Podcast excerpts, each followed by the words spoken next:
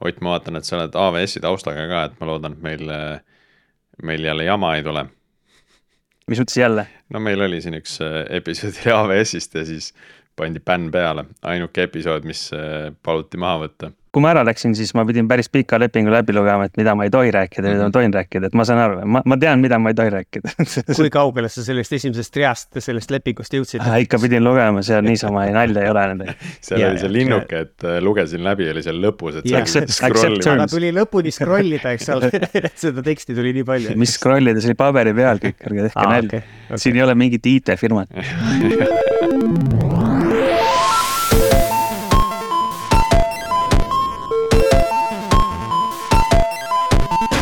tere jälle Algorütmi kuulama, eetris on meie kahesaja kahekümne neljas episood, mille toovad teieni Pipedrive, Nortal ja Veriff. mina olen Priit Liivak ja täna koos minuga stuudios Tiit Paananen. Ähm, Tiit, ma saan aru, et hommikul äh, mudisid tainast ja tegid äh, mõnusat saia yeah.. kas, kas veel on alles, et äh, no ma, ma eeldan, et sa teed homme hommikul täpselt no, sama, sama, siis kui me eetris oleme, just, just. aga natuke paremini. Mm aa, et homme tuleb juba paremini no,. iga päev läheb natuke paremaks mm. -hmm.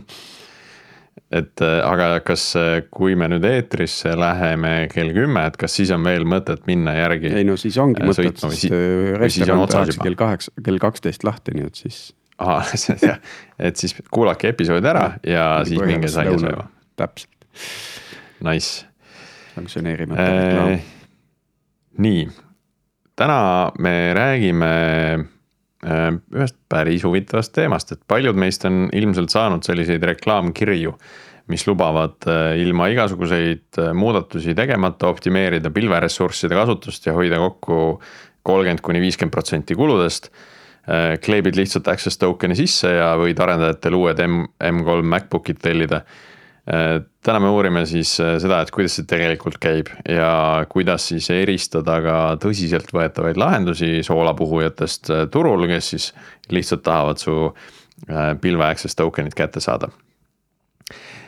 külas on meil täna ähm, Haikel asutaja Ott Salmar ja Haikel teine asutaja Meelis Brett, kes siis natukene avavad seda, kuidas, kuidas Haikel tegutseb ja, ja mida see pilvekulude optimeerimine üldse tähendab ja loodetavasti suudate murda ka, ka minu skepsise selles osas, et äh, kas seda üldse saab teha niimoodi, nagu te räägite, et ilma, ilma koodi muutmata mingeid kulusid kokku hoida oota, aga Priit, sinu skepsis johtub siis sellest, et sa kirjutad kohe õigesti või kuidas? ei, ei, ei, no see skepsis on ikka natukene äh, sellest, et ähm, et ka näiteks New Relic promos ennast nagu päris pikalt äh, selliselt, et pistad lihtsalt ühe agendi mm. nagu sinna koodibaasi sisse ja kõik andmed jooksevad ja jube hästi on. Äh, ja, ja see, see nagu läks üsna kiiresti katki yeah. või hakkas omama mingeid äh, kõrvalnähte nii-öelda selle jõudluse juures. et, et noh, see töötab nagu mingitel juhtudel, aga kaheksakümmend protsenti sa pead ikka tegema midagi enamat kui, kui lihtsalt äh, äh selle nupp, ühe nupuvajutuse. jah, minu skeptis äh, sai ka toitu, kui üks äh, seenior arendaja vaatas teise mehe koodi ja tulemuseks oli kahekümnekordne jõudluse kasv.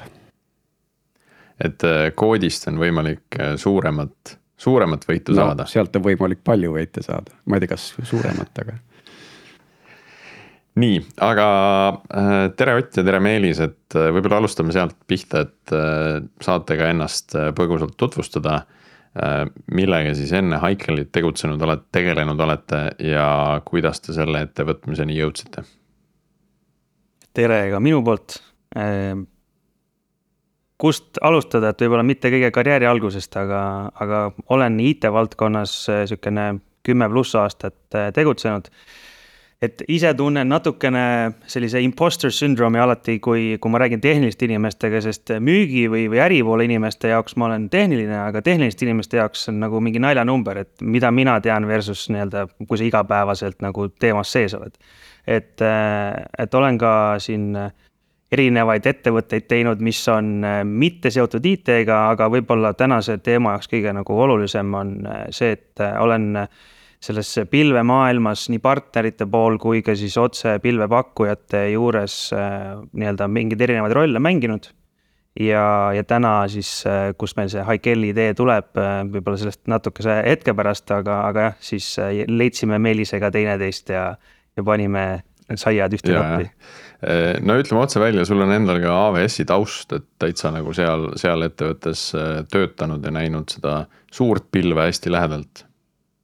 Ja, et äh, et selles mõttes on seal töötades, äh, see oli võib-olla esmakordne kogemus ka, et no ma olen varem töötanud ka Telias, mis on nagu Eesti mõttes suur ettevõte, no tegelikult üleüldiselt regiooni mõttes ka, et suur ettevõte et siis Amazoniga ei anna võrreldes, et sul onboard imine võtab aega kolm kuud ja see on niimoodi, et sul, see ei ole, et sa vaatad videosid lihtsalt natukene, vaid sa reaalselt käid kogu aeg mingitel koolitustel, kuskil jälle reisid, kellegagi räägid, et see on selline hästi intensiivne äh, aeg, kus, äh, kus sa alles oled selline beebi, kes õpib nagu seda süsteemi tundma ja siis kui ma sellest rääkisin oma kolleegidega esimest korda, siis kõik ütlesidki, et noh, et see on, see on paratamatu, sest et sul on ettevõte, mis on sihukene üks pluss miljonit töötajat, et sul ongi vaja kaua onboard'i, et saaks üldse aru, kuidas asjad nagu toimivad, ka kõige lihtsamad asjad, et selles mõttes on see.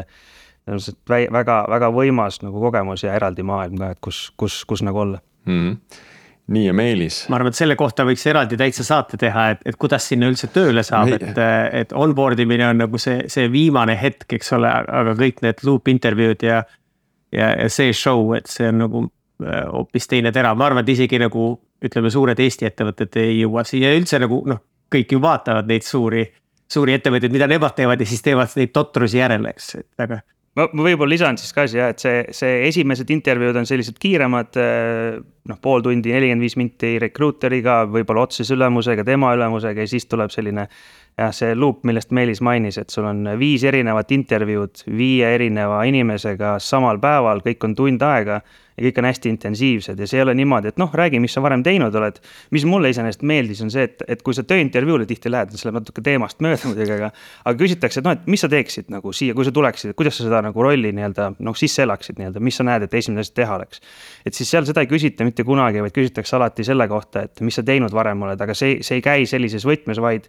vaid see käib sellises võtmes, et räägi mulle ühest näitest mingis projektis, kus te ei suutnud äh, ära deliver dada midagi ja mida te sellest õppisid ja siis siis äh, kui sa oled juba kolmandas, neljandas, viiendas intervjuus samal päeval, aga sama asja kohta küsitakse teise nurga alt, siis on pea käib nagu väga ringi ja, ja pead midagi välja mõtlema kiirelt et võib-olla see on ka üks asi, mida nad sealt ootavad. et kui, kui keegi Amazonist julgeb tulla rääkima ja, ja järjekordset bänni ei karda, et siis äh, või äh, võtab julguse kokku, et vajalikud kooskõlastusringid läbi käia, et siis andke teada, võtame hea meelega vastu, väga huvitav oleks vestelda enne kui ma läksin, siis oli Youtube'is muidugi ohtralt juba materjali üleval ka, nii et see on, see on selles mõttes päris, päris palju juba näha mm. -hmm. nii, aga Meelis, äh, sinu taustast võib-olla ka paari sõnaga. jah, ma olen rohkem äh, tehniline, ma olen juba keskkoolist alates läksin IT-firmasse tööle, kruvisin arvuteid kokku, installisin Windows'e ja, ja see oli nagu väga huvitav, huvitav töö koolipoisile üheteistkümnendas klassis siis ma juba nägin, et tegelikult IT-töö ei ole ju ainult äh, ütleme äh, kruvimine ja tegemine, vaid ka on ootamine. et, et vanasti installimised läksid ikka omajagu, et, et nendest sai, sai päris efektiivselt, kui sa viitsisid nagu teisi asju teha, siis oli nagu äge samal ajal ja olid topelt efektiivne ja siis ma jõudsin ütleme oma karjääriga e-kommertsi juurde seal ma nägin seda, mida Tiit võib-olla mainis, et, et teed nagu pair programming ut, eks ole, ja siis, siis on juba tohutu efektiivsuskasv ähm,. aga, ja, ja siis ma jõudsin äh, lõppude lõpuks pilve, äh, pilve erinevate reseller ite juurde ja nägin, nägin seda maailma ja sealt äh, ütleme, osaliselt sai see Haikeli algus selle koha pealt, et et kõik nagu sellised pilvepartnerid või, või reseller'id nagu räägivad, et oh, et et me aitame teil kulusid kokku hoida. aga samal ajal nad on ise kõik seotud selle, otseselt sellega seotud, et palju äh, ettevõte ise pilves kulutab. ehk siis mida tegelikult nende jaoks on, äh, partnerite jaoks on kasulikum, mida rohkem sa kulutad pilves, seda rohkem nemad saavad äh, pilve siis teenusepakkuja käest raha, et, et siis me mõtlesime, et et noh, kui palju võib sellist nagu äh, jama ajada võib-olla ettevõtetele, et, et miks ei ole sellist ettevõtet, kes reaalselt istuks äh, ettevõttega ühe laua taga ja võitleks sama asja eest, et maksta võimalikult vähe. samal ajal mitte äh, ütleme siis olla vähem efektiivsem, olla kuidagi piiratud, vaid, vaid lihtsalt kasutades tarku meetodeid, tehnikaid ja, ja ka tehnoloogiaid. jõuda sinna, kus, kus ütleme ühe dollari asemel maksad võib-olla nelikümmend senti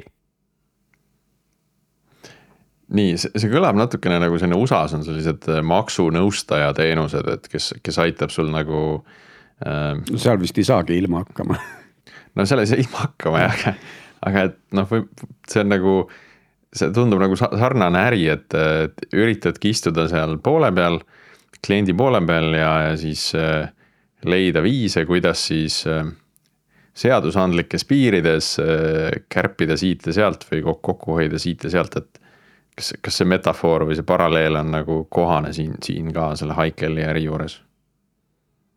Ma võib-olla äh, tooks, äh, see on, see on selles mõttes natukene kohane, aga see on sama nagu võrdlus võiks tuua, et. et sa võid käia trenni tegemas ise, vaadata netist, guugeldada, kuidas paremini trenni teha või siis sa võid minna eratreeneri juurde, kes on loodetavasti mingit paberit teinud, jagab natukene nooti eeskujuliku keha välimusega, et näed, et vot sellist keha võiks tõesti taga ajada, on ju, kui tahad nagu tervislik olla.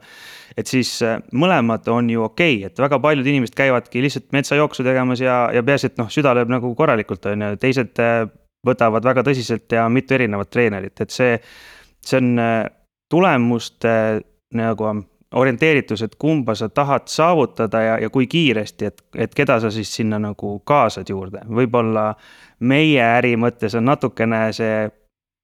jällegi eratreeneri näide ei lähe kohale, sellepärast et äh, meie nagu toome sulle selle tulu ja tulemuse ikkagi ära, on ju, et, et, et me ei ole sõltuvad sellest, et sa pead kogu aeg nagu kogu aeg kohal käima, et me, me nagu alguses panustame hästi, hästi palju, et see asi saaks äh, nutikamaks.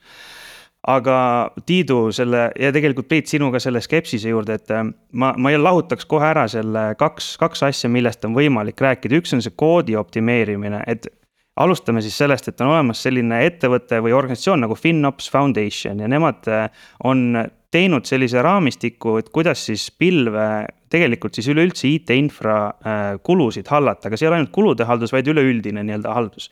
ja see on jagatud kaheks üks osa sellest on ressursi optimeerimine, see algabki sellest, et milline sinu kood on, milliseid äh, masinaid sa kasutad, kus nad asuvad, kõik selline, mida tavaline nii-öelda arendaja. DevOps inimene peaks nagu oskama teha, et ta on nagu selles mõttes siis, mida professionaalselt on, seda kavalama ja, ja liinima setup'i ta suudab teha. ja siis, mida nagu FinOps tegelikult toob nagu juurde, on siis äh, see Äh, rate optimization ehk siis selle hinna optimeerimine. ja nüüd, kui sul on ülikaval setup, üliliin, üli hästi optimeeritud juba eos siis siia saab ikkagi rakendada samu meetodeid FinOpsi nagu rate optimization mõttes. kui sellisele, mis on nii-öelda lift and shift äh, monoliit, mis on hästi kallis, hästi kobakas, hästi palju masinaid, hästi palju orphaneid, hästi palju waste'i on ju. et, et mõlemale nendele poolele saab rakendada seda, neid põhimõtteid ja tööriistu, et siis seda hinda optimeerida mm. -hmm et sellepärast ongi, et see, see kolmkümmend, viiskümmend säästu, et noh, see võib olla ka kuuskümmend protsenti, võib-olla kaheksakümmend protsenti säästu, see sõltub sellest, et milline see setup on ja sellepärast ongi ta selline. ta ei, ta ei ole alati mm. one size fits all, et see protsent reaalselt tuleb hiljem välja, et, et kui sinna. tooks siia veel vaat... kolmanda võimaliku säästukoha on see, et sa lähed lihtsalt ringkummis, lööd ukse lahti, ütled, et ma olen väga kõva vend, ma commit in mingisugusele volüümile ära äh, mingi X aasta peale ja siis discount on ka vist päris okei okay,, mis sulle pakutakse, on ju ja see on, see on üks osa sellest äh, rate optimization'ist, mida tavaliselt ka siis nii-öelda arendusmeeskonnad nagu saavad teha, et noh, kas sa. teed mingi suure diili miljoneid aastas ja saad seal kogu arvest mingit, mingi protsendi alla või siis sa teedki, nagu sa Tiit mainisid, noh, seal see võib.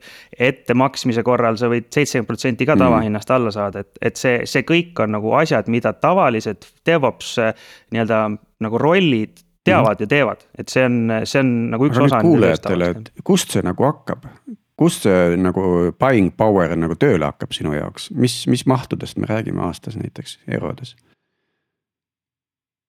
Äh, võib-olla kuu näites tuues, et, et kliendid, keda meie nagu oleme aidanud, kulutavad äh, neljakohalisi summasid kuus, kliendid, keda me oleme aidanud kõige kõrgemas otsas, kulutavad siin äh, kuue kuni seitsmekohalisi summasid kuus, et siin tegelikult ei ole nagu ühte konkreetset reeglit, vaid pigem see sõltub ka hästi palju teenustest, mida kasutatakse ja kuidas see setup nagu tehtud on.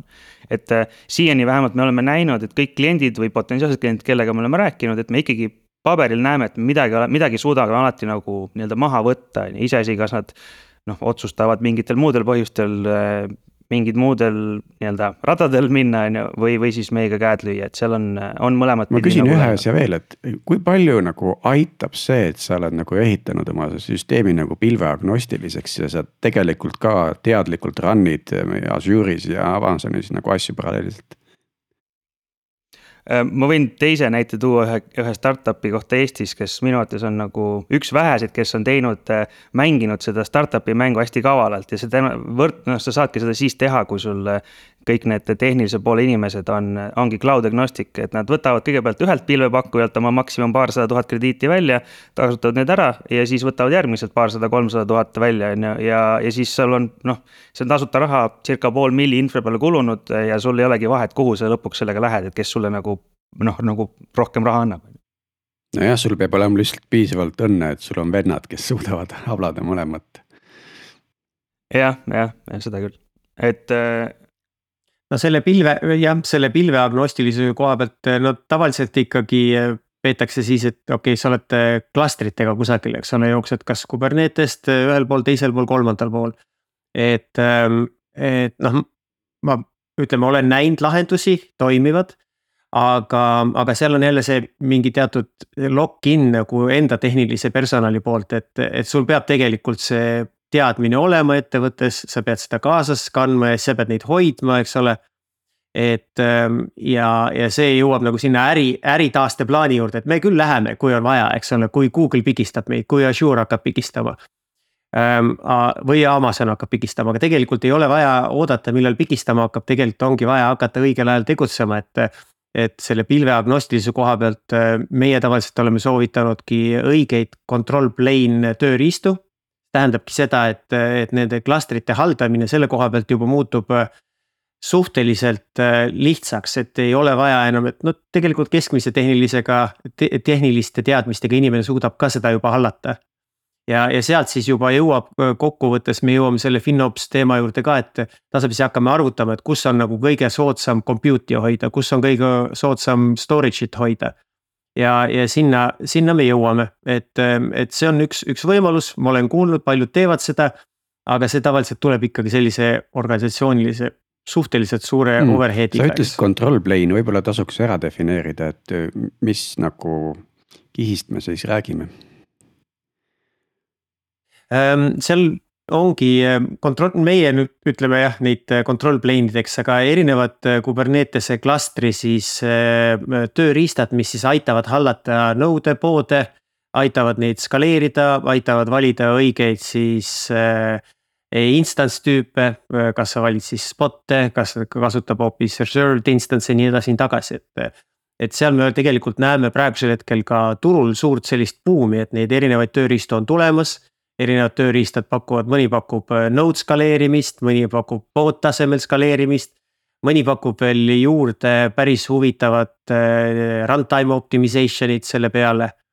et, äh, et, et see on see koht, kus osa, meie tuleme nagu appi ja aitame ka ettevõtetel valida selle mõistliku lahenduse. on ka olemas erinevaid ettevõtted, näiteks lähevad ka täitsa open source'i peale, näiteks valib võib-olla mõni AWS-is valib endale Carpenteri näiteks aga Carpenteri pluss on, on see, et ta on osaliselt open source või nad on tegelikult täielikult open source, aga sa pead ta ära konfigureerima selleks, et. et, et enne ta nagu üldse mängiks sinuga kaasa. muidu lõppude lõpuks on sul tohutu kaos infrastruktuuris ja, ja seda eh, ma arvan, keegi ei taha, eks.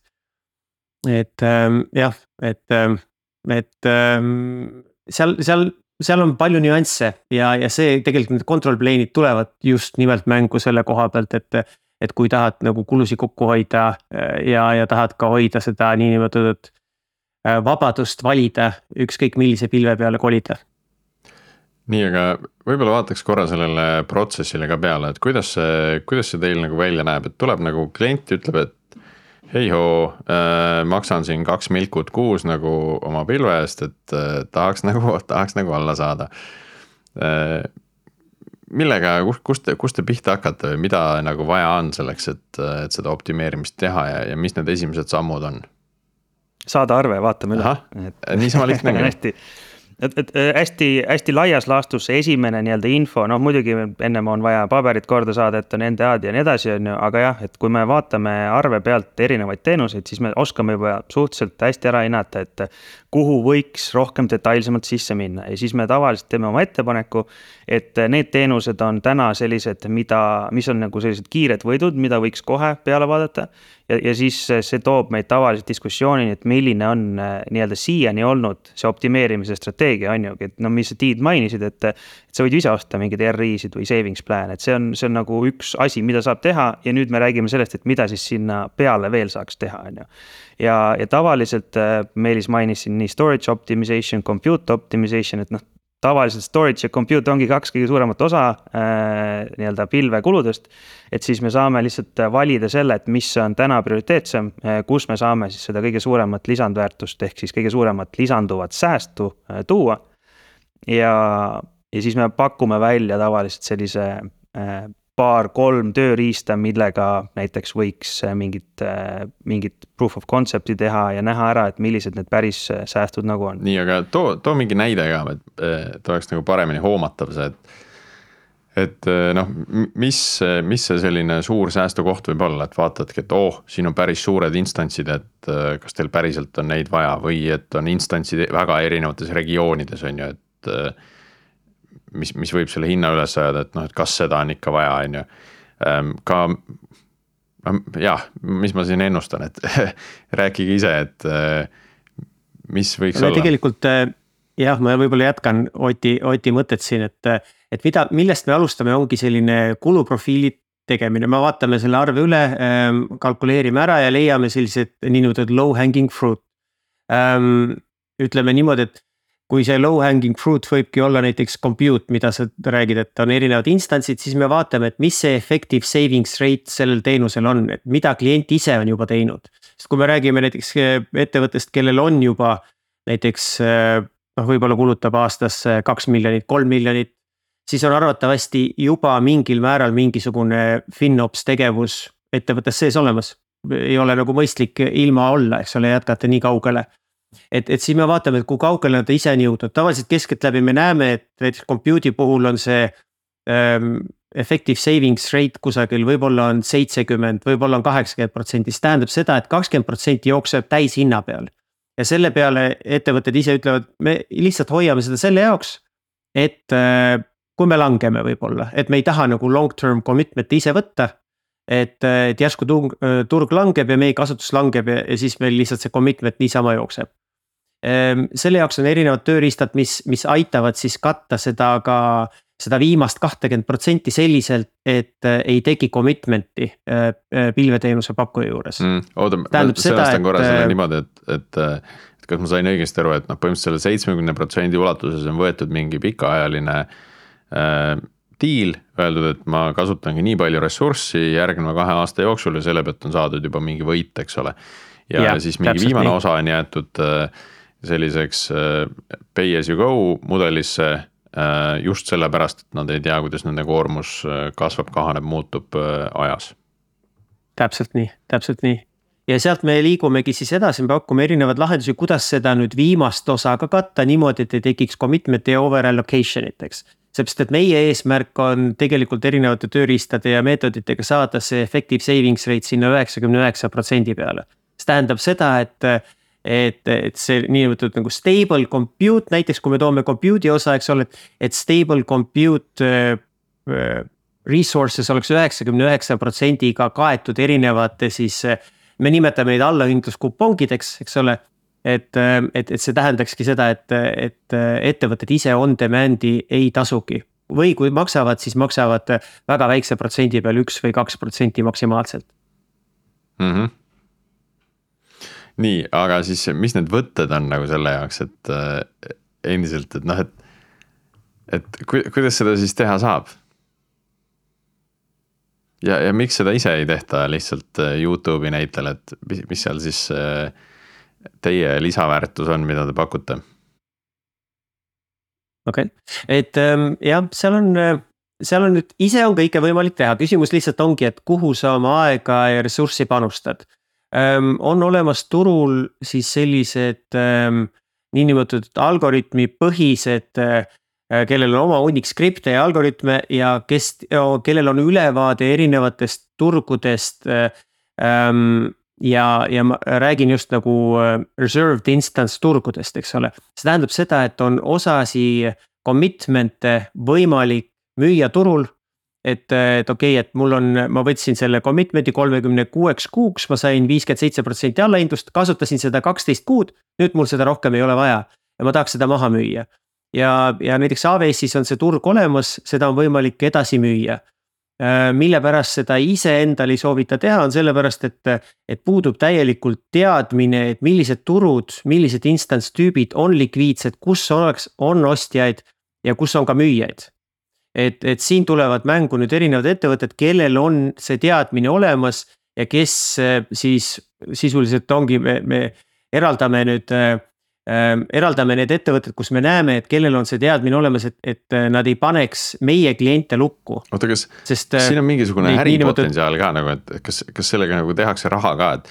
et mul on, mul on hästi suur platvorm, ma lähen äh, Amazoni juurde, saan seitsekümmend prossa alla, võtan nagu noh, ekstra varuga nagu endale seda äh, compute'i ja, ja siis tean, et ma panen pool sinna avalikule turule, ütlen, et palun viiskümmend prossa nagu leti hinnast soodsamalt, võtan veel sealt ühesõnaga äh, kakskümmend protsenti vahelt, on ju.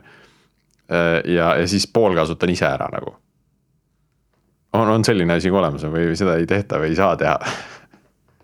sa selles mõttes ei kauple, sa kaupled selle kupongiga nii-öelda okay. ja tavaliselt see turg toimib niimoodi, et, et siin on mu commitment, kes tahab et see ei ole see, et ma küsin selle eest raha või et sa maksad yeah. mulle. sest et enamasti, kui sa seda müüma lähed, sul ei ole seda vaja, sa tahad kiiresti lahti saada, ehk et sa annad selle ära lihtsalt, et palun võtke keegi. et see, et sa seal saad seitsekümmend protsenti alla, sa oled järelikult maksnud ette midagi ära, et siis keegi, kes selle sult ostab, peab samamoodi selle ette maksma ära, et see, see on nagu noh, see on ühe konkreetse nii-öelda toote põhjal nagu nii-öelda savings instrument'i näite põhjal et, et see, seda, seda nagu äri ei, ei saa seal teha, et küll on seal erinevaid äh, nii-öelda Äh, Amazoni poolt endal pandud mingid piirangud ette, et mida sa võid teha, mida sa ei või teha, aga kogu see turg täna toimib jah niimoodi, et see. see ikkagi käib, et näed, mul on commitment'id, kes tahab, mis regioonis, mis instantsid ja nii edasi mm. Aga, aga Priidu, sul nagu tagasi tulles selle küsimuse juurde ennem, mis sa küsisid, et kuidas siis näiteks see täpsemalt toimib. et ja, ja ma seon siia sisse nagu Kubernetes osa ka, millest me korra rääkisime, et et isetegemine versus äh, nii-öelda kellegi kaasamine, kes seda nagu nii-öelda siis aitab või, või juhendab, on ju. et kui sa hakkad äh, ükskõik millises pilves tegelema sellega, et tahaks optimeerida, et siis noh, esimene variant võib olla minna Google'isse, siis guugeldada, on ju, et kuidas sa optimeerida pilve saad või siis lähed kohe mingitesse marketplace idesse, sest kõikidel pilvedel need olemas ja hakkad otsima, et mingit optimization äh, tool on ju, või mis iganes. et siis, äh, mis probleem on, on see, et äh, sa leiad mingi viiskümmend erinevat toodet, kes kõik lubavad midagi sulle teha, nagu alguses te mainisite, kolmkümmend kuni viiskümmend protsenti soodustust, on ju. ja siis, mis on kõige keerulisem, on see, et tehniline lugeja või tehniline nii-öelda nagu inimene, ta tahab rahulikult lugeda, aga ta ei taha lugeda sellist müügiteksti, mis on selline enamikud kodulehed, kui sa lähed ja loed, vaatad noh, nagu ka meie koduleht natukene on ju hästi selline äh, high level ja ta ei anna sulle sellist nii-öelda äh, detailsust, mida sa tahaksid kohe saada. et ja siis ongi see probleem, et loed kolm lehekülge läbi, lõpuks on noh, nagu täiesti arusaamatu, et mida siis üks või teine teeb. ja, ja meie nii-öelda väärtus või kust me siis loome selle suurema, on see, et me oleme selle nii-öelda lugemise ära teinud ja, ja saame pakkuda välja vastavalt siis kliendi nagu sellele profiilile, et hei, tegelikult on, on nii-öelda nendest kolmekümnest tööriistast võib-olla olla ainult kaks või kolm, mida praegu võiks vaadata. ja, ja siis see viib meid sinnamaani, et kui sa täna näiteks kasutad ainult, ma ei tea ainult virtuaal, virtual machine'e on ju, või EC2 Amazonis ja tahad minna Kubernetese peale, on ju. et siis see optimeerimise strateegia ja tööriist ka muutub. Mis tähendab, et kui me oleksime ühe toote müüjad, siis me oleksime natukene nagu lukus, et oi, et prooviks ikkagi, et äkki jääte nagu selle toote peale, ei tee oma infras muudatusi, et tegelikult me saame nagu koos areneda edasi selles, et okei okay,, et teil on nii-öelda approach ettevõttesiseselt on teistsugune, nüüd me saame ka muuta siis seda optimeerimise lähenemist. et üks hästi äge selline joonis on, et see CICD on nagu selline Infinity kaheksa on ju, kogu aeg käib lõputult nagu edasi. et sinna võiks ühe sellise nagu ringikese juurde panna, et see on siis continuous optimization, et see käib samamoodi vastavalt, et mis su infravajadused on. kogu aeg see optimeerimine käib seal taustal ka, et see. ühe profiili juba ütlesid, on ju, aga teil on nüüd päris huvitavat sellist mm, noh kuidas ma siis ütlen, see tundub nagu väga väärtuslik teadmine, et teil on need äh, klientide välimäärajad olemas, et kes kuidas kasutab, on ju. äkki mõned veel näited, et, äh, et äh, noh, siin Kubernetese agnostiline süsteem, mingid puhtalt EC2-de virtuaalmasinate kasutamine, äkki. mis need, mis need sellised enam levinud profiilid on? Ma ütleks, et kui me compute'i kõrvale paneme, siis kogu selle EC2 ja Kubernetese osa, siis järgmine tuleb andmebaasid, et nende nii-öelda optimeerimine, et see on. ütleme, kui me vaatame kõiki, mitte kõiki, aga noh, me vaatame väga suurt osa nii-öelda nagu IT. nagu digital native ärisid on ju, et siis peale compute'i ongi, ongi andmebaasid ja, ja siis võib-olla seal võiks ka panna sinna võrdusmärgi nagu, mitte päris võrdusmärgi, aga storage'i osas. et siis seal on, on sarnaselt ütleme väga palju võimalik ära teha äh, just nii-öelda, kui ma, ma alguses mainisin seda nii-öelda, et üks on see, mida sa ise teed nii-öelda DevOps tiim ja teine siis on selle nii-öelda rate optimization poole peal. ma tooks veel siin äh, päris huvitava nüansi, mida me viimati just nägime, on nüüd ähm, suurtele ettevõtetele just äh, disk space äh, autoscale eid, mis, äh, mis tegelikult osaliselt läheb võib-olla pilve nagu pilvest välja, aga oli hea, hea näide, kus enterprise taseme klient, kes tegelikult jooksutas Azure'is või hübriid cloud'i, eks ole, osaliselt oli Azure'is, osaliselt oli on-premise nagu enamus Microsofti kliente on.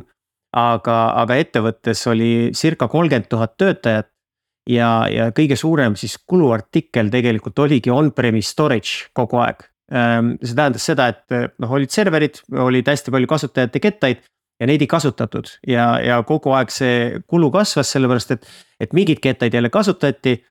et, et seal oli päris, päris huvitav, kus, kus tuli välja selline hästi ehm, huvitav tehnoloogia, mis võimaldab ähm, diske auto skaleerida vastavalt sellele milline kasutus sul on. Ja, ja seda on võimalik nii on-premise teha kui ka siis pilves, näiteks AWS-i puhul me räägime EBS diskidest, siis tegelikult no me läheme väga nüanssidesse, aga, aga sul on aga sul on võimalik ainult kasvatada kettaid, niipea kui sa tahad vähendada ketast, sa pead ketta maha lööma, ära lõpetama ja uuesti hakata tegema. et sul ei ole võimalik äh, teha äh, siis, siis ütleme niimoodi, et okei okay,, mul kümmet gigabaiti enam ei ole vaja, ma äh, vähendan seda ketast et, et selleks sa pead korraks masina maha võtma, ketta ära äh, lõpetama ja siis uuesti alustama masinat.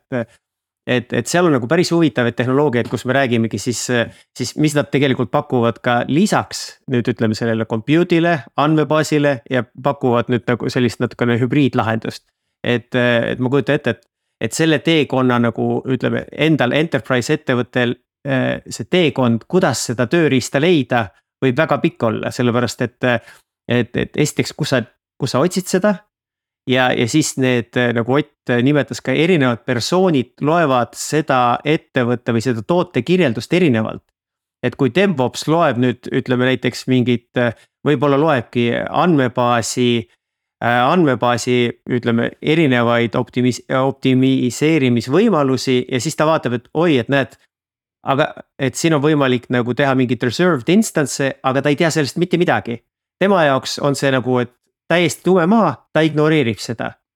samal ajal loeb nüüd keegi finantsjuht loeb sama artiklit ja vaatab, oh kuule, andmebaasidest on võimalik kuuskümmend protsenti alla saada, täiesti äge, miks me seda ei kasuta mm. -hmm. et, et seal on nagu erinevate persoonide konflikt ja, ja kus me nagu kus me tuleme sisse ja siis, siis tegelikult räägime mõlemast poolest ära, et, et räägime nii finantspoolega, räägime nii nii inseneridega ja jõuame selle konsensuseni, et miks see tööriist võiks sobida ja miks mitte ja ma võib-olla tulen siia Tiidu nagu küsimuse juurde veel, lisan järgmise punkti, et mida veel saaks, et äh, kui me praegu oleme rääkinud, noh, selline compute heavy nagu nii-öelda maailm, et siis üks, üks nii-öelda osa maailmast, mis ei ole väga compute heavy, on näiteks e-commerce, no mitte, mitte alati, aga tihtipeale on seal rohkem ka storage'it ja siis on see data transfer, sest et neid toodete pilte peab hästi palju nagu igale poole üle maailma nagu kuvama, on ju. et siis üks asi, mida meie oleme näinud ja oleme aidanud klientidel teha, on just see data transfer osa äh, optimeerida ära, sest et kui selle kulu ikkagi läheb viiekohaliseks iga kuu sul, siis see on noh, selline hea tükk, mida nagu vähendada. ja siin äh, noh, alates sellest, et sa saad nelikümmend protsenti hinnast maha võtta, kui sellest, et sa võid seda nutikamalt üles seada ja siis ta läheb seal üheksakümne, üheksakümne viie protsendini säästuni on ju. võrreldes sellega, mis ta on selline hästi nagu lihtsakoelisena kunagi ammu tehtud setup. et siis see, see on ka nagu nii-öelda koht, kus me oleme näinud, et, et selle, selle nii-öelda niši klientidel on võimalik palju kokkuhoidu saavutada. Ja nüüd, kui me kõik selle kokku võtame, et meil on siin compute, meil on storage, mis meil on siin need disk autoscaler'id, meil on äh, mingid äh, nii-öelda data transfer feed on ju. et siis, kui me räägimegi, et DevOps inimene läheb vaatama, et tema vaatab oma ühte osa, mis äh, nii-öelda võib-olla oli kokku lepitud selleks kvartaliks, et on OK, OKR on ju, nüüd on vaja teha. et siis meil see nii-öelda äh, vaade saab olla laiem äh, kogu kulu peale, et ja siis me saame map ida ära ka, et mille, millega me siis alustame ja, ja mis sammudega me edasi lähme, on ju, et me vaatame nagu seda terviklikku pilti mitte, et nagu inimesed ise seda ei saaks vaadata, aga lihtsalt see on, see on see, mis kaasa tuleb. ühe dimensiooni veel siia, et ähm, ettevõtetes, kus ma olen olnud nagu kaasatud, siis äh, ühel hetkel hakatakse, ühel hetkel hakatakse vaatama, et kui palju nagu testi infrastruktuurile läheb ja.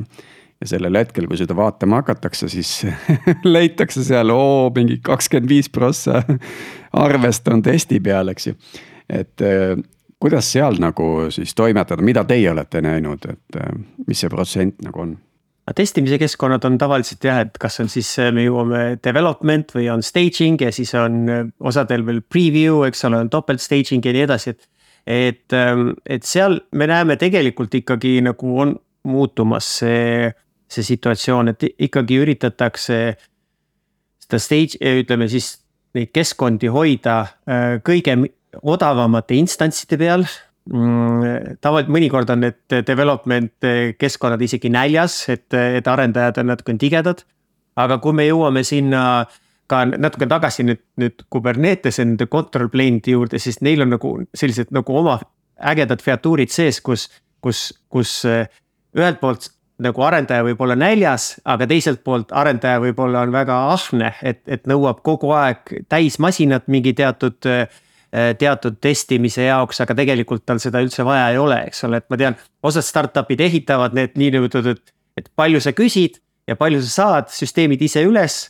aga need tooted tegelikult on juba turul olemas, et, et mis tegelikult pakuvad täpselt sedasama lahendust, eks. ja, ja seal, seal pigem ongi nagu turg niimoodi, et me näeme, et nagu see teadmine, teadlikkus ja tead, ütleme siis nagu mõtteviis, et tegelikult see need arenduskeskkonnad või, või sellised nagu test ja staging keskkonnad, need võiksid jooksutada end kõige odavamate instantside peal, pigem nagu, et kui neid ei kasutata, et siis nagu äh, ära lõpetada, panna stoppi kõikidele nendele instantsidele, aga aga, aga me nagu pigem vaatamegi seda, et, et okei okay,, nad on kõige odavamad instantsi tüübi peal. aga selles suhtes, kui nad kogu aeg on ka jooksevad ja, ja, ja nad peavad olema üleval, siis me tahame ka, oleme nagu pakkunud klientidele välja, et, et ka kõige odavamaid instantsi tüüpe on võimalik ka ilma niinimetatud nende commitment iteta katta. ehk siis, ehk siis seda, et sul on kõige odavam instantsi tüüp aga sellest on veel võimalik nelikümmend protsenti alla saada, kui sa õigesti tegutsed. no siis on võimalik just ju nii, nii arendajate äh, kogemust ka parandada, et äh, sa saad nelikümmend protsenti alla, võtad äh, kakskümmend protsenti võimsamad äh, instantsid sinna peale ja enam ei ole arendajad näljas ja finants on ka rahul, sest kakskümmend prossa tuli ikkagi nagu säästu. Ja enamasti need äh, chip'id, äh, mis teevad sul natukene kiiremaks, need on tihtipeale ka odavamad, mis uuemad tulevad välja, et see. see veel toob nagu topelt seal säästu osa. ma korra tooks, äh, Priit, sa mainisid selle isetegemise osas äh, alguses, et äh, kuna me siin palju sellest control plane'ist oleme rääkinud, et et arendajad, kes kuulavad või DevOps insenerid, et sa võid ju minna julgelt Google'isse, panna Kubernetes optimization sisse ja, ja leida seal, ma arvan, et viis-kuus toodet kohe, mis on kõik erinevad et siis võib-olla see, mis nagu hea meil on välja tuua, on see, et, et kõige keerulisem on see, et okei okay,, mis on nende strateegiast, et kodulehed väga nagu ei selgita täpselt, et kuidas nad mida teevad, üks on node level optimization, teine on pod level, mis nende üldse vahe on. ja siis tuleb kõige keerulisem osa on see, et kuidas on hinnastatud, mingi optimized vCPU põhjal mingi viis dollarit, siis on node'ide põhjal kolm dollarit, et, et kuidas sa nüüd võrdled seda kõike äh, enda jaoks, et mida see tähendab, et kas nüüd see kolm dollarit tüki kohta on odavam või on viis dollarit odavam, et, et see, see kogu maailm ongi selline, et, et sul on vaja põhimõtteliselt täiskohaga inimest, kes hindab ja vaatab ja siis otsustab, et okei okay,, et seda me teeme siis selle tootega või teise tootega. et mis meie toome nii-öelda sellisele inimesele nagu juurde, on see, et me oleme selle nii-öelda eeltöö ära teinud, me saame kohe öelda, et mis nende vahe on ja võib-olla kõige toredam on see, et kuna noh, tänu sellele mudelile, mida me rakendame nagu, siis ka meie kaudu on selle toote ostmine äh, oluliselt odavam. et äh, mitte, et me mur-, surume ühte või teist toodet, vaid pigem me aitame valida ja meie poolt ei olegi nagu vahet, et millise klient lõpuks valib oma, oma nii-öelda mingite kriteeriumite põhjal mm. -hmm. et ühesõnaga Haikeli taga sellist äh, oma nagu toodet äh, üldse, üldse ei olegi, on lihtsalt äh, seltskond kogenud konsultante, kes äh, paljudest asjadest teavad palju ja suudavad ka kliendi teemasse nii-öelda süvitsi minna no tegelikult toote tegemine käib, sest et me tahame seda, mis meil peas on, panna nagu kuskile nutikasse tootesse, aga jah, täna nii see, mis sa ütlesid, see on kõige nagu korrektsem. kas toote kirjeldusse tuleb ka ai enabled intelligence nagu kõikides? muidugi, ilma sa, ilma ei saa, mis asi see muidu üldse on ma tegelikult äh, kaks tuhat kaheksateist aastal tegin Tartus magistritöö, äh, kasutasin masinõpet, nii et äh, ma tegin juba ai-d enne, kui see oli äge, nii et, et jah, et jätkame. siis on hea põhi all ühesõnaga. ja, ja saab uhkustada jälle nii, aga ma korra veel hüppan sinna, ähm, et kui siin Tiit rääkis nendest profiilidest, mida siis ettevõtted kasutavad, et et aga, aga millised on need sellised äh, suurimad eksimused, mis äh, enim raha maksavad, et äh, võib-olla noh, need võivadki olla kas siis sellised levinud eksimused või siis mõned markantsed näited nagu, et olete, vaatasite arvele peale ja siis oli nagu ohoo. siit võtaks kohe nagu üheksakümmend viis protsenti koomale, sest kui nad selle ühe väikse asja ära teeks, et et mida, mida leid-, leidnud olete? mul tuleb kohe äh, väga hästi meelde üks, äh, üks Saksa suur startup, kellega me koos töötasime ja kes äh, ka tegelikult ähm,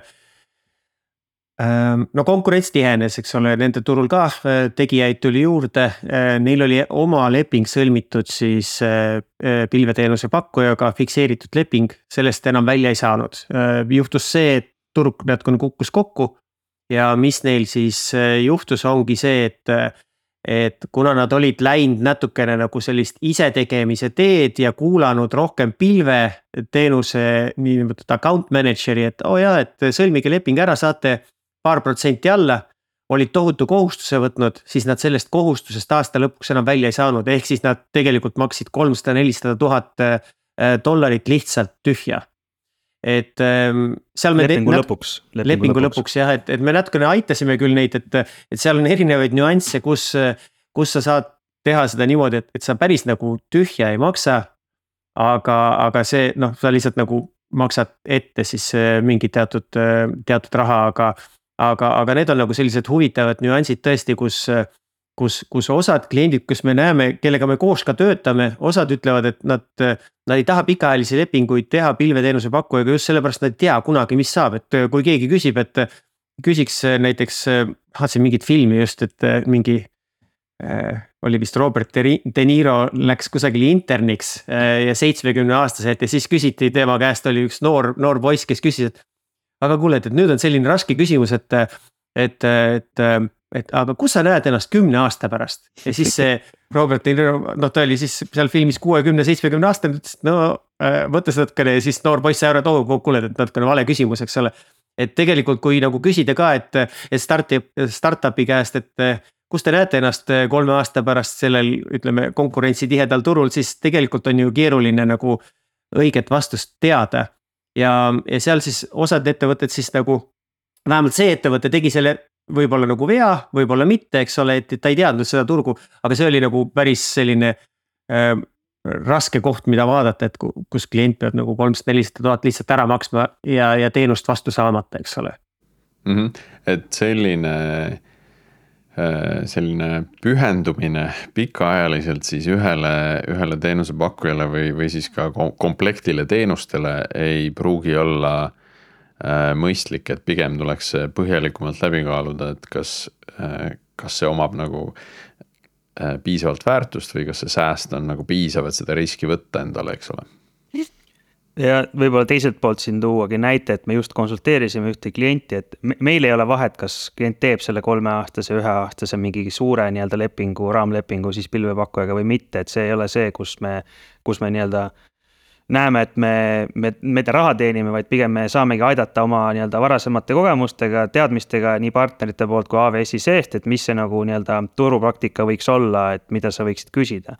just aitasime ühel kliendil, ütleme, aitamine võib-olla on palju, et me konsulteerisime neid, sest et neil endal oli see soov teha äh, kolmeaastane diil, saada sealt selline asjalik allahindlus, on ju, ja nad niikuinii plaanivad kasvada, sest et neil on mingid kontod vaja alla tuua, sinna konsolideerida, ehk et nende jaoks oli selline mitte ideaalne torm, on ju, aga, aga nagu kõik need asjaolud langesid kokku, et nad teavad niikuinii neil circa kakskümmend protsenti maht kasvab. ja noh, kui nad saavad nüüd lisa mingi mingi protsendi sinna alla niikuinii on ju, et siis noh, nad võivad seda lubada endale, et. et see on jällegi selline positiivne näide, et, et nad juba olid tegelikult täielikult optimeeritud meie poolt varasemalt, et nüüd, kui nad kasvavad, siis see on tegelikult kasv, mis on päriselt kasv, et seal ei ole sellist äh, waste'i mm. sees nii palju. nüüd selle näite puhul see klient, tal läks nüüd teistpidi, eks ju, aga oleks läinud õiget pidi, siis ta oleks olnud võidus, on ju potentsiaalselt, eks. aga ma toon ühe lihtsalt näite, mille osas võib-olla veel teil mõtted hakkavad liikuma ja nende vigade osas, et ma mäletan siin sügisel ehitasin ühte junni, mis saadab pilte S3-e ja siis ühel hetkel teatati mulle, et mu request'ide limiit hakkab täis saama, eks ju et eh, saatsin iga pildi eraldi, no pärast saatsin kümme tükki korraga kõik oli hästi, eks ju, et aga. aga võib-olla mingid sellised nagu väiksed vihjed, mis, mida tuleks vältida Äh, mul just oli, äh, ma lugesin ühe, ühe Bolti engineering manager'i blogi ja siis jagasin oma LinkedInis ka, et tegelikult tema üldse seal refereeris kedagi kolmandat Saksamaalt, et, et kuidas just seda S3-e storage'i kulu siis nii-öelda optimeerida üheksakümmend üheksa protsenti, et see oli ka väga lihtne sihuke väike häkk, et. et võtame Tiitsu nõu kuulda ja, ja postitame rohkem siukseid, sihukest infot, mis on sellised väiksed häkid. see, see kõlab väga intrigeerivalt juba, et, et kas sa nüüd saadad meid LinkedIn'i seda lugema või, või sa räägid meile ära, et mis see trikk on seal siis? jah, äh, minge lugege, see on sihukene paarilehene blogipostitus, ma arvan, et see on, äh, tulge, tulge tutvuge minu LinkedIn'i lehega siis ka juba on ju. pluss Haikeli LinkedIn'il on ka see olemas, et sinna, sinna me panime selle. hea marketing. jah, aitäh kui te näete seda klienti, lükkate ta mingi osa serverless'i peale ka või kuidas see, see pool on nagu teil korraldatud? sest me, ma viimane kord vaatasin seda Amazon Amplify'd, siis mul nagu läks silmad nii suureks, ma mõtlesin, et siin on ju tegelikult päris palju kraami juba, et mis töötab täiesti serverless, eks ju, siis kui ei ole load'i, siis ei ole kulu, on ju meie ise ei lükka kliente kuhugi, et kui nad on serverless eh, või nad plaanivad minna, siis me saame nõustada ja olla abiks, et kuidas seda nutikamalt teha. aga jah, me, me nagu ei taha võtta seda, seda nii-öelda, mitte otseselt otsustavat rolli, aga noh, me võime nõu anda, et kuule, et meil on täna mõte siin serverless minna, täna oleme siin sellise setup'iga on ju, et siis me saame öelda, et mis see kõige nutikam setup oleks aga äh, räägime, räägime nüüd serverlessi poole pealt ka ära, et, äh, et ega tegelikult serverlessi äh, minekul tähendab seda, et sul on järjest vähem otsustusõigust või, või järjest vähem võimalusi teha ka rate optimization'it. Et mida rohkem sa oled serverlessi peal, siis keegi teine nagu toimetab sinu sisuliselt kõigega, eks ole, sul ongi ainult võtmed, keerad ukse lahti ja loodad, et tuba on puhas, eks aga mm, seal nüüd küsimus jääbki, et, et kui mõni klient nüüd jooksutabki näiteks ütleme EC2-de peale oma teenuseid. ja, ja otsustavad äh, minna, et okei okay,, me tahaks võib-olla Fargate'i peale minna, ECS Fargate'i peal tundub nagu mõistlik, eks ole. Et, ähm, et, et seal nagu tuleb natukene mõelda, et, okei okay,, et osaliselt sa saad serverlessi kätte aga sa maksad mingid teatud asjade eest, mida sa enne ise tegid näiteks noh, võib-olla oligi operatsioonisüsteemi batch isid ise, eks ole. et, et nüüd teeb seda keegi teine ja selle, see ei tule tasuta, et, et nagu ütleme, et kui, kui on nagu inimeste koha pealt on see nagu osaliselt mõistlik, et sa lähed, oled serverless, sul on vähem võib-olla hallata asju, kulude seisukohalt alati ei ole mm..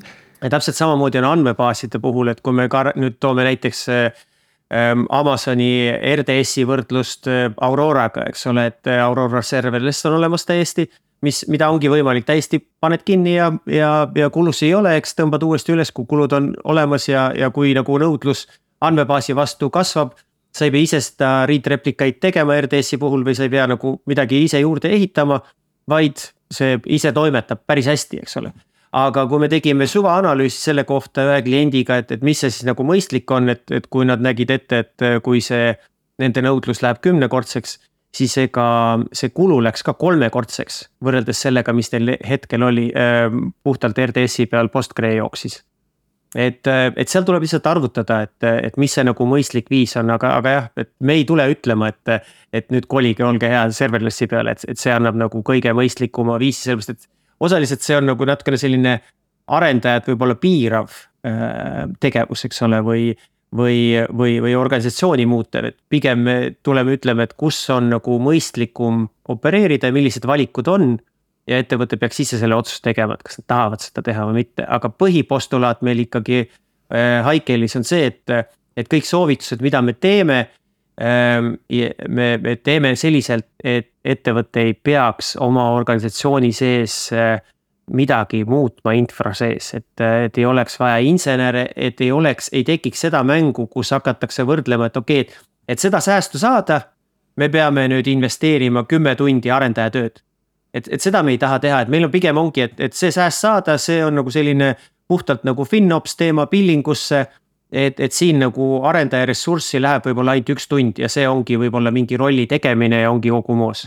et, et siia, siin me nagu näeme, et et, et see on nagu kõige lihtsam viis, kuidas ettevõtetel endal ka see otsustusprotsess võimalikult kiiresti teha, sellepärast et mida rohkem venitada, seda rohkem viskad lihtsalt raha maha mm. -hmm me korra alguses võib-olla rääkisime ka seda, aga, aga et meie fookus ja, ja meie nii-öelda mõõdik, edumõõdik on alati ikkagi net new savings et see on see, mille pealt ka, ka meie, meie hinnastame ennast ja Meelis võib-olla mainis seda ka, et siis me nagu tunneme, et me istume kliendiga ühel pool lauda, sest et ka klient ju tahab võimalikult vähe maksta, muidugi, et compliance ja security ja, ja kõik, kõik muud nagu oleks nii-öelda okei okay. ja siis võiks olla ka see, et maksame siis võimalikult vähe aga, aga tegelikult serverless ei ole ju sageli lihtsam, et see on lihtsalt nagu teistsugune, mis annab sulle teistsuguse nagu säästu. ja samas, samal ajal vajab nagu sellel DevOps tiimil nagu täiesti teistsugust peakuju, et nad. ja ka arendustiimil, et nad disainiks oma asju nagu teistmoodi. et, et, et see noh, selline nagu oluliselt nagu lihtsamaks ei tee, et ta teeb lihtsalt teistsuguseks me, kui äh, ma olen teinud nii Google'i kui AWS-i enda mingeid sertifikaate ja eelkõige just neid müügiomasid, et siis see on alati nagu üks põhiline püramiid, mida näidatakse, et kuidas infrat ehitada, et. esimene on sul see IaaS on ju, infrastructure as a service, kus sa võtadki need masinad ja siis järgmine on see baas. ja lõpuks on SaaS on ju, et see baas ja IaaS, see ongi see vahe, et kas see on nüüd serverless või siis on sul need oma masinad, et see nagu sa ütlesid, ma olen sada protsenti nõus, see on nii-öelda erinevale tiimile erinevad nii-öelda vajadused mm. -hmm. Äh, nii, Tiit, kuidas on, kas sai karvapall lahti arutatud? ma arvan küll, jaa.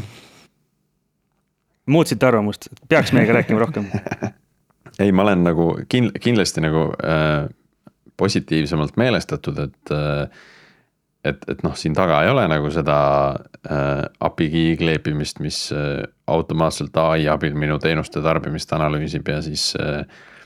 ja siis kõik asjad ümber konfigureerib niimoodi, et on, on sääst, et siin on ikkagi mingisugune äh, põhjalikum human driven äh, analüüs nagu sees. et, et see, see mulle väga meeldib nii et midagi unikaalset, et ei olegi ai. mulle ikkagi jääb üks asi natuke kraapima, et, et kui me vaatame siin viimast mingit viite aastat on ju nende erinevate maailma muutvate mullistustega, kus kõik kogu aeg muutub ja ühel hetkel on kõik hästi ja siis on kohe väga halvasti, eks ju. et ähm, nende säästude kogumine ikkagi nõuab mingit stabiilset aega ja, ja sellist stabiilset nagu. et see peab sinu jaoks nagu jõudma tööd teha, eks ju, see, see tegevus, mis sa oled nagu viinud sisse, eks ju aga nüüd, kui on niimoodi, et nagu, nagu traffic on iga kuu nagu viiskümmend prossa erinev ja siis tuleb mingi kolmas asi ja nii edasi, siis nagu lõpuks nagu ongi päris raske nagu seda nagu vist müüa, et äh, keegi ei tea, mis nagu poole aasta pärast äkki üldse nagu juhtuma hakkab, et aga, aga ma ütleks, Tiit, võib-olla just vastupidi, et, et äh, selle võrra on võib-olla seda optimeerimist äh, just lihtsam müüa, et no. jah, kui, sa nende, suudadki tulla selle suure, suure teadmiste pagasiga et näed, äh, selles olukorras mul on sulle nagu kolm lahendust, kui see nüüd olukord nüüd muutub, siis mul on nagu järgmised mm. kolm lahendust, on ju. et, et sa ei pea ise hakkama seda aega, aega maha võtma ja investeerima, et nüüd seda, neid uusi lahendusi välja mõelda. Äh, vaid on kuskil keegi, kes on juba erinevate olukordadega kohanenud ja, ja nendest no,. põhiline, et Haikel ikkagi saab selle protsendi selle säästust endale, et see on oluline. ja kuidas teil pricing on, et on nagu sääst, säästu pealt äh, saate protsendi omale või, või on mingi teine mudel või? see sõltub äh, tootest ja sõltub setup'ist väga palju, aga me oleme üritanud hoida ennast sellise nii-öelda kolmanda osapoolena või välise konsultandina, et jah, me, me teeme mingi projekti, me vaatame, kuidas te nii-öelda setup on, mis sealt võiks nagu säästa. ja siis selle pealt tuleb ka noh, tavaliselt sa ju, kui sa võtad mingi toote, siis sa pead selle toote pealt maksma, on ju. et siis meie oleme need, kellele tavaliselt pilvepakkuja arveldab otse meiega, et, et me ei too mingit lisa nii-öelda nagu järgmist vendorit juurde. vaid läheb sulle pilvearvele juurde ja nemad siis arveldavad meiega ja meie oleme siis lokaalne support support ja lokaalne tugi nagu, nagu kõigele muule ka. aa, vot see on küll huvitav mudel, et, et, et ühelt. ja nüüd lõpus just. et ühelt poolt te olete nagu kliendi eh, pool istute laua taga, aga samas arve saadate nagu pilveteenuse pakkuja kaudu välja ja see on, see on tegelikult sellepärast meil niimoodi välja mõeldud, et see võimaldab meil teenindada kliente üle maailma, kes kasutavad ükskõik millist mm. pilvepakkujat. meil ei ole vaja arveldamisega ise tegeleda ja kuna nad niikuinii kõik, enam-vähem kõik tooted, mis on marketplace ides olemas, neil on olemas mingi partnerprogramm ja siis äh, nad otsivadki kedagi, kes pakuks seda kohalikku support'i, äh, kohalikku turuteadmist ja kuna meil see on, siis reaalselt äh, meil ei olegi vahet, millise toote keegi valib, aga kui nad selle valivad, siis meil on tegelikult nagu võimekus toetada toetada neid äh, teha tehnilist setup'i, teha mis iganes vaja on, troubleshoot imist, on ju, et, et siis äh, see teeb nii-öelda tarkvarapakkuja elu lihtsamaks ja, ja ka meie siis saame nagu olla see konsolideerija kliendile, et kui tal on kaks-kolm-neli erinevat toodet, mitte ainult üks, on ju, et siis tal ei ole vaja nelja erineva firmaga rääkida, vaid on üks koht, kus ta saab kõige kohta nagu infot ja nüüd ongi. oi, et meil on sihukene plaan, sihukene mõte infraga, et kuulge, kutid, mis te arvate, mida me võiksime teha, on ju, või, või mida peaksime silmas pidama, et siis me saame olla see one point of contact mm. -hmm minu arust see viimane point, mis sa tõid, on tegelikult päris kaval, et ma, mul on mingi ülesanne, ma ei pea enam möllima mingit uut vendorit endale kuskile, see lihtsalt tuleb mul sellesama arvega kaasa nagu. noh, et nagu Haikeli nii-öelda panus väärtustatakse, väärtustatakse läbi selle pilvepakkujal oleva rea, eks ju, et see on nagu tegelikult päris kaval nagu eriti just sellised nagu suuremate, keerulisemate organisatsioonidega, kus kliendiks või ähm, tarnijaks saamine on juba omaette äh, exercise. ja me, me oleme seda ise ka kogenud, et, et kui, kui me juttu alustame suuremate klientidega, siis me küsime ka, et et eh, kuidas teil see procurement protsess käib, et kas see on nagu parem, kui on otse arve peal, mis on teil juba olemas, siis see on jah, et siis meil on paari kuu küsimus versus pool aastat mingit eh, vendor approval'it teha, et see on. see, seda me ise oleme ka näinud, et, tuleb kasuks kõvasti, pluss natukene loob ka usaldust, et kui me ütleme, et jaa, et mis iganes me teeme, et see on teie AWS-i arve peal, sest et AWS on noh, nagu juba teinud või, või Google'i arve peal või Microsoft, et nad on teinud selle validation'i, et on tegemist päris ettevõttega ja meie ise arveldume nendega mm. -hmm. nii, aga sel juhul äh, aitäh, Ott ja Meelis äh, tulemast, saime äh, väga põneva episoodi, väga huvitav oli vestelda ja tõesti minu skepsis sai nüüd korraliku hoobi. et, et seda, seda on vähem, aga see on endiselt seal, sellepärast et noh, nagu me siin ka episoodis rääkisime, et on neid teisi ettevõtteid, kes kes teevad seda, seda nii-öelda äh, äh, sellise noh, mis kuul see on? Bullet, hõbe kuul jah. Silver Bullet jah, või, või siis ma mõtlesin rohkem seda ennustamise kuuli ja. kristallpall. klaas, klaas ja kristallpalli nagu meetodil optimeerimist on ju. või see nagu, et kui tiit purjetamas käib, kust pool tuul on. just, et on ka neid ettevõtteid ja, ja endiselt nagu siis, aga noh, ma olen võib-olla natuke altim sisse vaatama nagu nendesse pakkumistesse nüüd, et noh, et kuidas te siis päriselt seda teete. ja, ja loodetavasti siis üllatun üha rohkem. aitäh ka meie kuulajatele ja endiselt ootame igasuguseid põnevaid ideid külaliste kohta, et keda veel kutsuda meie eetrisse ja teemade kohta, et millest siis veel võiks rääkida tulevastes episoodides ja jääme taas kuulmiseni uuel nädalal.